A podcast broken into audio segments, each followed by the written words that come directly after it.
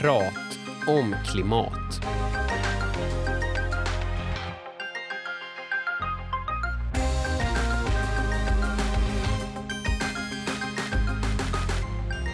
Du lyssnar på Naturvårdsverkets podd Prat om klimat där du får lära dig leva klimatsmart. Idag handlar det om våra flygresor. Det går ju inte riktigt att blunda för och resa, med, resa hejdlös med gott samvete. Men snart ska ni åka till Gran Canaria. ja, jag vet. Passa på då att stanna kvar ett bra tag.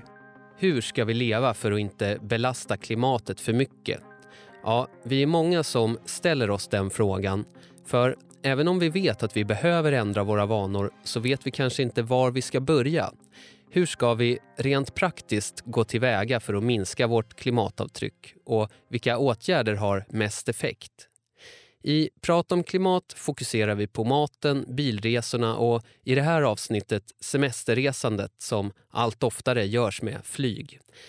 Trots att flygresor står för en stor andel av våra klimatutsläpp blir flygresorna fler och fler och längre och längre. Frågan är då, vad ska vi göra? Sluta flyga helt och hållet eller? Alla andra åker ju på semester till något solparadis långt bort härifrån. Varför ska inte jag också få göra det? Det är ju ändå ingen mening att jag försöker rädda klimatet på egen hand. Ja, det där dilemmat och många andra frågor ska vi försöka resonera oss fram till svar på i det här flygavsnittet av Prat om klimat som Naturvårdsverket ligger bakom som en del av sitt uppdrag att föra ut kunskap om klimatfrågor. Och vår förhoppning är att du som lyssnar får med dig lite nya fakta om flyget och klimatet och kanske ännu viktigare tips och inspiration på hur du kan semestra mer klimatsmart. Hej. Hej, välkommen hit. Tack. Hej, Disa. Hej. Disa och Magnus Lövendal som bor i en närförort till Stockholm har funderat mycket kring sina egna flygresor. Hur de påverkar klimatet och vad de själva kan göra för att ändra sina semestervanor. Det här med klimatet och resande är något som kommer, kommer... Man kan inte blunda för det till slut. Och bilden av det har ju ändrats ganska mycket. Ja, men man reste på ett sätt när man var liten. Då kanske man gjorde ja, men, fem flygresor tills man var 18 till Medelhavet och semestrade en vecka. Och sen så när vi började plugga då var det som att det här billiga flyget kom och världen blev tillgänglig på något sätt. Mm. man kunde resa till, ja, men, vi åkte till Prag och Warszawa och Budapest och för 300 kronor ungefär. Men ja, vi är ju intresserade av vad som händer med världen och klimatet. Jag heter Magnus Lövendal och eh, är landskapsarkitekt. Och eh, ja, men kanske ännu viktigare så är jag tvåbarnspappa.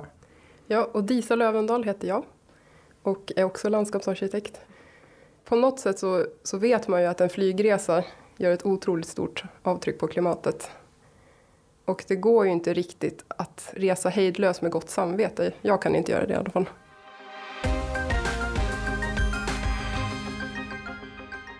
Ja, det är en klimatmedveten familj vi har kommit hem till som förstår vilka problem det innebär att leva så som de och många andra med dem länge har gjort.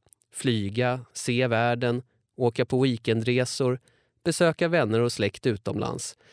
Så Disa och Magnus vet att det vore bra om de ändrade sina resvanor. Men ändå. Ens barn och... Det är ju, man lär ju sig väldigt mycket av att resa Det kan jag känna själv. Att alla resor har man ju med sig och man har lärt sig något om världen. Och det känns lite svårt att bara inte låta dem se någonting av den.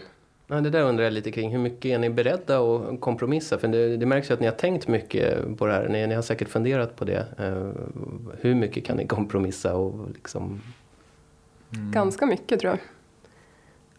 Ja, jag tror också ganska mycket. Men eh, till, till saken hör också att jag har en, en lillebror som flyttade till Nya Zeeland för ganska många år sedan nu. Ja, träffade, träffade en kvinna som sen blev hans fru och har skaffat två barn så att han, han bor där. Vi, vi har hälsat på honom ett par gånger. Jag tänker den här lilla filmen är nästan som så här, vårt, vårt bästa minne.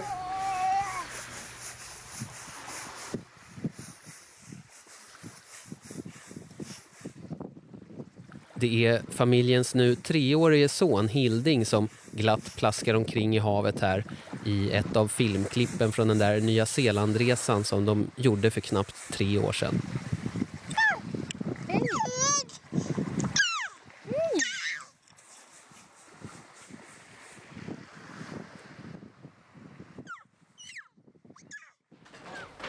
Här, kika. Hur det går.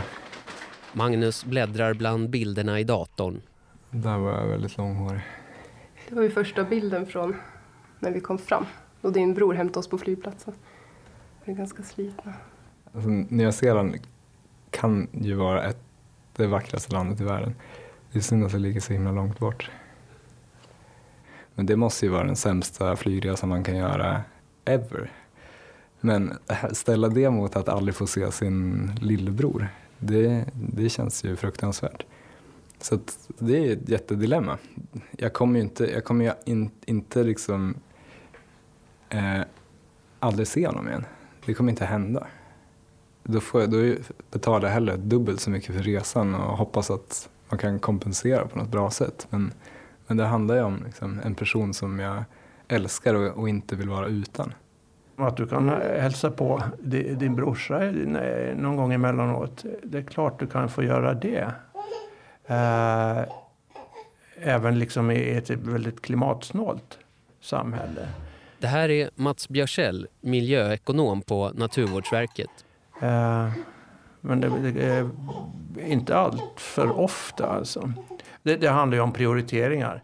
Mats Björsell har nu, som ni kanske förstår av minstingen Albins gulliga små ljud i bakgrunden, åkt hem till familjen Lövendal för att resonera lite om deras flygvanor och vad de kan göra för att minska sitt klimatavtryck utan att behöva stanna hemma hela semestern. Men först låter vi Mats Björsell, som ju är expert på det här området, förklara varför just flyget är ett så stort problemområde när det gäller klimatet. Flyget går ju på fossila bränslen och släpper ut koldioxid. Eh, sen finns det också en annan speciell effekt Eh, när det gäller just flyget. Och att det är att man släpper ut kväveoxider och vattenånga på hög höjd. Och det gör att den totala klimatpåverkan från flyget eh, fördubblas ungefär. Man snackar om höghöjdsutsläpp. Eh, och det där gör att eh, klimatpåverkan, om jag sitter och kör ensam en bil i 100 mil, då har jag ungefär lika stor total klimatpåverkan som om jag åker 100 mil i ett flygplan. Och den där klimatpåverkan då, hur ser den ut? Vad är det som händer med klimatet? Ja, vi får ju temperaturhöjningar som leder till att eh, torra områden blir ännu torrare. Eh, nederbörden ökar där det redan idag är vått och man har problem med översvämningar. Eh, vi får häftigare väder. Vi eh, går miste om, om eh, isar både på land och runt pol, ja, vid Arktis, norra polen. På längre sikt så ser vi också att det, finns jättestora risker för att naturen själv börjar liksom vända sina kretslopp. Att det börjar när, när tundran börjar tina så då finns det infrusen metan som är en väldigt stark växthusgas där, som börjar bubbla upp. Eh, det finns i havet så kallade metanhydrater. Det finns eh, som har samma effekt.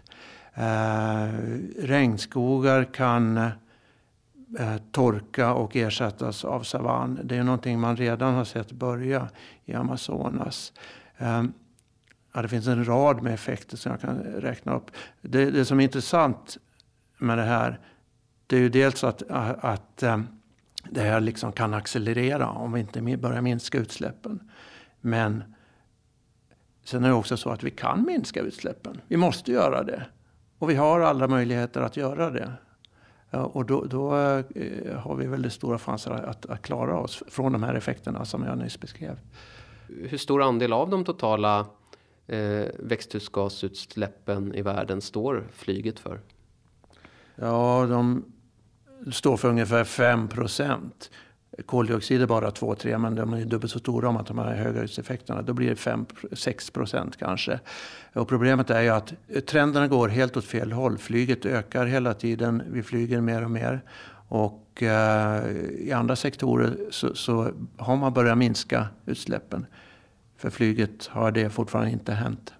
Och det ökande flygandet har fått till följd att svenskarnas klimatpåverkan från flyget nu är ungefär lika stor som från bilen. Mellan åren 1990 och 2014 har svenskarnas internationella flygande ökat med 130 procent. Vi flyger alltså mer än dubbelt så mycket som för drygt 25 år sedan. Och eh, det kommer att fortsätta öka. Allting tyder på att vi, vi flyger mer och mer. Det blir billigare att flyga och det blir enklare. Eh, fler antal flygbolag som, som säljer billiga biljetter. Vi ska få oss nya vanor eh, vad det gäller våra semestrar. Eller våra besök utomlands, besök till, till vänner och, och, och bekanta runt om i världen. Så, så, att vi eh, flyger mer, vi utnyttjar de här möjligheterna som är bra på, på massor med olika sätt naturligtvis. Eh, alla gillar ju att flyga. Nästan i alla fall. Eh, och ser det som, som en jättestor fördel att, att vi får ökade möjligheter att se oss runt i världen på ett enkelt och, och ganska billigt sätt. Ja, jo, billigt för plånboken men med höga kostnader för vår planet. Så hur ska då den här ekvationen gå ihop? Kommer vi kunna fortsätta bejaka resandets möjligheter och glädjeämnen utan att förstöra klimatet. Teknikutvecklingen borde väl kunna leda till att vi kan neutralisera växthusgaserna på något sätt inom en snar framtid, eller? Det är det som är lite grann speciellt med, med flyget. Om man tittar på eh, bilar så sker ju där en elektrifiering. Man går över till el och den förändringen kommer nog att ske ganska snabbt här nu. Eh, ett flygplan kan ju inte ha en sladd och det kan knappast ha tunga batterier heller. Så el är vad vi vet idag. Kanske någon gång långt i framtiden, va? men inte inom överskådlig tid så är det en alternativ. Däremot effektivisering av motorerna, det är eh, någonting som pågår hela tiden. Eh, och naturligtvis övergång till biobränslen. Det där går lite sakta dock. Och det beror ju på att eh, biobränslen är väldigt dyrt. Och flygplan har hög bränsleförbrukning. Vilket gör att, att eh, det är väldigt dyrt för flygbolagen att gå över till, till biobränsle. Men framförallt än så länge så, så, är det väldigt svårt för dem att få tag på biobränslet. Varför är det svårt att få tag på biobränsle? Ja, tillverkningen har liksom inte kommit igång riktigt än. Det finns att få tag på runt om i världen. Det stora problemet är egentligen att, att eh, priset är för högt. Och i och med att eh, flygbränsle inte är beskattat så kan man heller, staten kan heller inte subventionera det. Det är ju en nackdel eh, i omställningen. Sen eh, kommer, när det gäller biobränslen så kommer man ju inte åt de här höghöjdsutsläppen som vi pratade om nyss. De finns ju kvar även med biobränsle. Och de står för lika, ungefär lika stor klimatpåverkan som själva koldioxiden. Okej, om tekniken inte kan lösa problemen ligger alltså ansvaret hos branschen, politikerna och oss resenärer. Vilka är då Mats Björsells viktigaste råd till den som vill dra ner på flygandet utan att göra allt för mycket avkall på det roliga? Nu är det ju så att eh, de allra flesta av oss gillar väldigt mycket att flyga. Eh, och, eh, men, men man, man, kan ju tänka sig för ändå lite grann när man planerar sina semestrar till exempel. Eh, man kan titta på vilka resmål man väljer. Ju närmare det är, desto bättre är det om man nu ska flyga dit. Lägger man, eh, väljer man riktigt nära eh, resmål, då kan man ju ta ett annat färdmedel. Man kan ta tåg förhoppningsvis. Eller fylla bilen med folk och, och köra bil inom Norden. Eh, då får man en, en, betydligt lägre klimatpåverkan. En annan viktig sak det är att eh, när man flyger iväg eh, långt så passa på då att stanna kvar ett bra tag Istället för att liksom, eh, åka hem igen och så efter en månad så sticker du iväg igen till, till eh, Sydeuropa eller någonting. Man kan ju samla ihop sitt, sina utlandsvistelser till så att säga en och samma flygresa. Då, på det viset kan man minska klimatpåverkan. Det kanske inte alltid funkar rent praktiskt? Nej, nej utan det, det, får man ju liksom, bara man har det här i åtanke, att man faktiskt eh, funderar över de här eh, sätten som faktiskt finns att minska sin klimatpåverkan från flyg. Resa mer sällan, resa kortare, vara borta längre. Eh, var det något mer? Ja, sen kan man ju försöka ha koll på, på flygbolagen och deras flygplan. Hur, hur eh, mycket de släpper ut. För att gamla flygplan har ju större utsläpp än nyare flygplan. Och så finns det några resor som man faktiskt bör undvika, menar Mats Björsell. Ja, de, de korta resorna där man faktiskt kan, kan byta färdmedel. Välja ett mer... Framförallt tåg är ju egentligen det bästa för klimatet. Va? Eh, kan man välja tågalternativet så, så är ju klimatet väldigt glatt för det.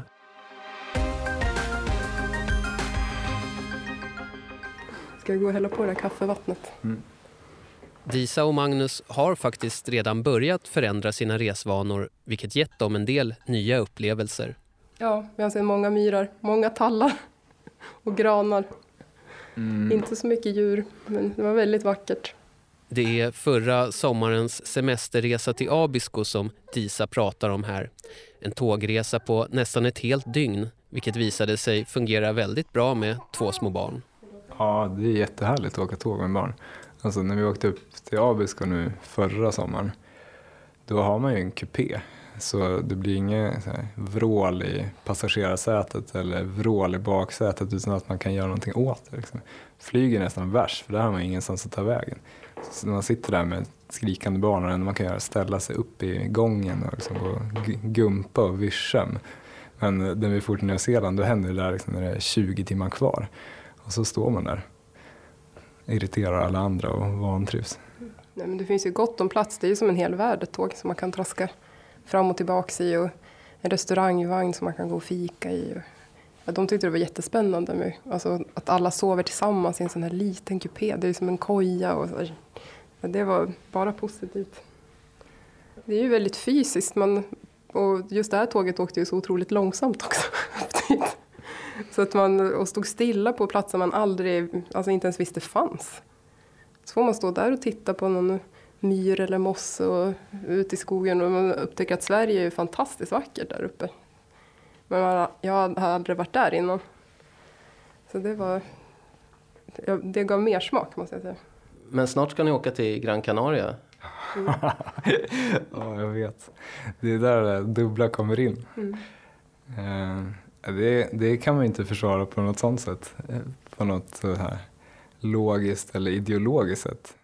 Nej, trots att familjen ändrat sina reseprioriteringar en hel del så lockar solen och värmen fortfarande. Det är varmt och skönt och hyfsat enkelt att åka dit. Och ett resmål som ändå ligger förhållandevis nära jämfört med andra. Jag vet inte hur stor roll det spelar men så resonerade vi i alla fall. Och sen så är vi ja, men som sagt intresserade av sol och värme och natur. Och det finns det ganska gott om där. Det är en liten ö med massa vandringsleder och stränder och god mat. Och så. Det känns som att med en små, som småbarnsfamilj så kan man ha det väldigt bra där. Men det låter nästan som att ni har lite dåligt samvete. Ja, alltså vi pratade om det här innan. Och du sa att du inte hade det, men jag känner att jag har det faktiskt. Vadå? Jag sa visst att jag hade det. Okay. Men nu när vi har köpt den här resan mm. så, så känns det onödigt att uh, gå och gnida det. Mm. Men jag känner att jag ändå har lite dåligt samvete. Faktiskt. Och det, det, blir så konstigt för att alla runt om en reser ju. Eh, ja, men våra föräldrar och vänner de åker till olika ställen utan att ha det minsta dåligt samvete känns det som. Men sen, och sen nu gör vi den här resan. Hur mycket påverkas ni av, av vänner som pratar om sina semestrar och visar bilder från, eh, från där de har varit? Eh, det är klart att vi påverkas av det. Det ser, det ser ju alltid härligt ut med semesterbilder. både, både när folk ligger på stränderna, som om, om man själv sitter hemma i februari, liksom, går fram och tillbaka till dagis. Men också liksom allt annat som är, alltså resa är ju härligt och det ser bra ut på bild också. Det ska vi inte sticka under stolen men, men om man, om, nu när vi befinner oss i, i, ett läge där man faktiskt måste välja bort det eh, för att jorden ska funka om 100 eller 200 eller 500 år. Då, då, då kommer det där jobbiga, välja bort saker som man gillar. Men det är klart att vi påverkas av det. Mats Björsell har suttit vid middagsbordet och lyssnat. Kan man inte tänka sig så här att nu köper jag en tågbiljett och åker ner till Hamburg eller jag åker till Stavanger eller till, till eh, Narvik eller något sånt där. Och sen på, när jag träffar mina kompisar så äh, pratar jag om min resa, om hur trevligt det var och vad mycket det fanns att se där. För, för jag gissar att oftast är det så. Man har liksom inte sett sin egen del av världen i tillräckligt hög grad. Utan eh, man kan ju satsa på en sån semester och sen eh, kanske locka med sig eh, vänner och bekanta. På det sättet att tänka, på det sättet att planera sina semestrar. Va? Uh, nu är det lite grann tvärtom. Va? Att man snackar om sin sista Australienresa och sådär. Och, och, och sen blir alla sugna på att åka till Australien. Man, man lurar in varandra i någon slags loop som genererar mer och mer långa eh, flygresor. Man borde kunna vända på det där. Och det är ju faktiskt precis vad Disa och Magnus till viss del har gjort. För även om familjen snart ska iväg till Gran Canaria så har de alltså börjat flyga mer sällan till förmån för fler resor inom Sverige med bil och med tåg. Så hur var då vänskapskretsens respons på den där Abisko-resan? Ja, men nyfikenhet skulle jag säga. Och ja, men, man undrar om det var svårt att ta sig dit för att det är ett resmål man kanske inte känner till så mycket. Ehm, så det var jättekul att få berätta att det var en så lyckad resa och att det var lätt att åka dit med barn. Så det kan jag verkligen rekommendera till barnfamiljer också. Att ta tåget som jättespännande och att det stannar precis på stationen så det är bara att hoppa av och sen är man framme och kan ja, göra precis vad man vill. Det är just sånt där som är en del av lösningen. Mm. Att man ger sig ut på, på eh, resor som är klimatsmarta. Mm. Och sen berätta för sina vänner och, och, och, och liksom äh, lyfter upp hur, hur, intressant och kul det var. För oftast blir ju även de lyck, äh, resorna lyckade och intressanta. Mm. Tror jag. Så, så det var en jättebra sak som jag ser det.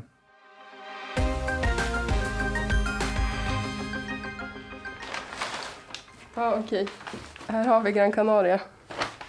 Och då börjar vi nere vid Maspalomas första veckan. Och bor i en bungalow. Och får lite strand och solhäng. Förberedelserna för den tre veckor långa solsemestern är klara. Och det är snart dags att ta avsked av familjen Lövendal. Men först vill Disa ställa en fråga till Mats om utsläppen och flygresorna. Men jag skulle vilja veta, finns det något sätt som man kan klimatkompensera en sån här resa på, på riktigt? Liksom? Ja, det här med klimatkompensation det är rätt svårt. För att det, det finns ett antal eh, organisationer som tillhandahåller klimatkompensering. Mm. Man måste ju ställa krav på att de här åtgärderna som genomförs, att de liksom är tillkommande. De skulle inte ha genomförts eh, i alla fall. För då gör de ingen klimatnytta utan de ska komma utöver andra åtgärder. Att man bygger nya kraft, eh, vindkraftverk som annars inte skulle komma till stånd. Eller att man eh, planterar skog som annars aldrig skulle ha planterats. Det är ett villkor. Sen måste det här vara uthålligt. Skogen som man planterar måste få stå där i, i väldigt lång tid och förmodligen ersättas då. Att den ersätts med, med um, ny, ny, ny plantering av skog. Så att det här verkligen är håll, eh, uthålligt i ett väldigt långt perspektiv. Annars kommer utsläppen så småningom tillbaka. Eh, och hur det där, de här två villkoren verkligen uppfylls så att det funkar i verkligheten, det, det är väldigt svårt att ha reda på. Det är inte alltid så lätt att veta hur man ska navigera när man som privatperson vill minska sitt klimatavtryck. Fast när det gäller flyget är det ändå uppenbart vilka de viktigaste åtgärderna som måste till är. Att man börjar flyga mer sällan och åker kortare sträckor. Om alla började flyga mindre skulle även problemen med luftföroreningar och buller minska.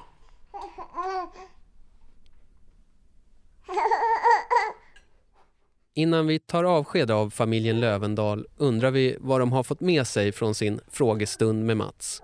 Ja, men det kanske skulle vara att flyga ännu kortare. Eh, alltså utforska, om man tänker att det, det är bäst att åka tåg men ibland så kanske det tar lite för lång tid eller för, för bökigt så om vi ska flyga så, så känns det intressant att kolla vad som finns ännu närmare än Gran Canaria. Propagera lite grann för det där och berätta för, för era kompisar om hur, hur, kul det var. Det tror jag är ett väldigt bra sätt att förändra de här sociala normerna som finns. Som idag pekar mot långa resor. Ni får bli eh, ja, eh, klimat, precis, klimatsmarta ambassadörer för, för resande i er, er eh, vänskapskrets. Det känns lite präktigt men vi kan ta på oss den rollen. Sportlov, Arlanda. Destination Gran Canaria. Ja, det ska bli jättehärligt. Ser fram emot lite sol och härlig natur. Lämna Sverige för en stund. Vad blir det första ni gör när ni kommer fram? Ja, vi kommer ju fram ganska sent. Så det blir att försöka hitta till vår lilla bungalow och plocka ner ungarna i säng. Men sen, sen utforska stranden tror jag. Flyger ni med gott samvete nu då? Eh, Jag flyger med blandade känslor kan man väl säga, men, men gott hopp inför framtiden.